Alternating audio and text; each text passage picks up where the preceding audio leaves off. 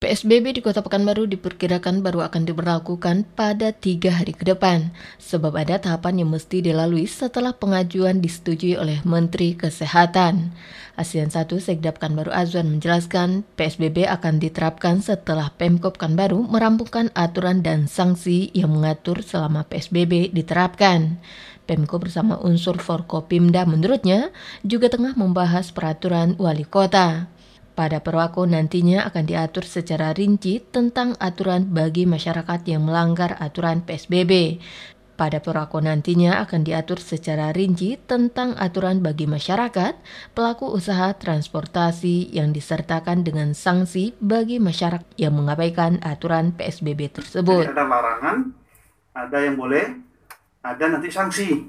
Itu ada di dalam Perwako. Yang mana? Nah, tadi sudah sampaikan Pak Wali surat edaran edaran terdulu itu kan sudah ada, termasuk ditanyakan tadi itu. Kedua yang ingin kami tambahkan, setelah perwako ini nanti disepakati, itu pun akan dikonsultasikan dengan gubernur atau gugus tugas provinsi.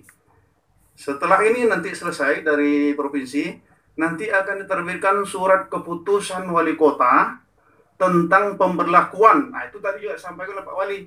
Apakah bertahap? Nah, tentu akan ada nanti sosialisasi-sosialisasi uh, seperti yang dilakukan di Jakarta itu ada tiga hari dia kan?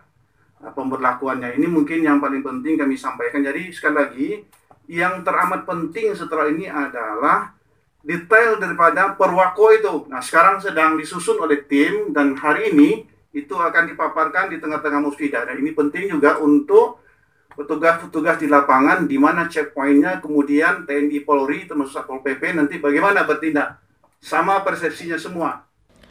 Lebih jauh, pemerintah kota menyatakan aturan dalam PSBB sebagian besar sebenarnya telah diterapkan di kota Pekanbaru.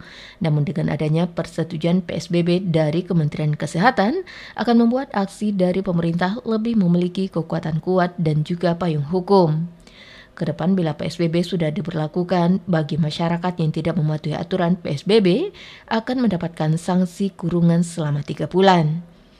Aturan PSBB adalah menghentikan aktivitas belajar mengajar untuk sementara waktu, menerapkan work from home bagi ASN tanpa meninggalkan tupoksi masing-masing, kemudian menutup sementara aktivitas yang bersifat mengumpulkan massa dalam jumlah yang banyak, seperti tempat hiburan, pusat keramaian, serta juga sejumlah pelayanan publik hingga pemberlakuan jam aktivitas masyarakat. Desi Suryani itu meliputan Barabas, Maporken.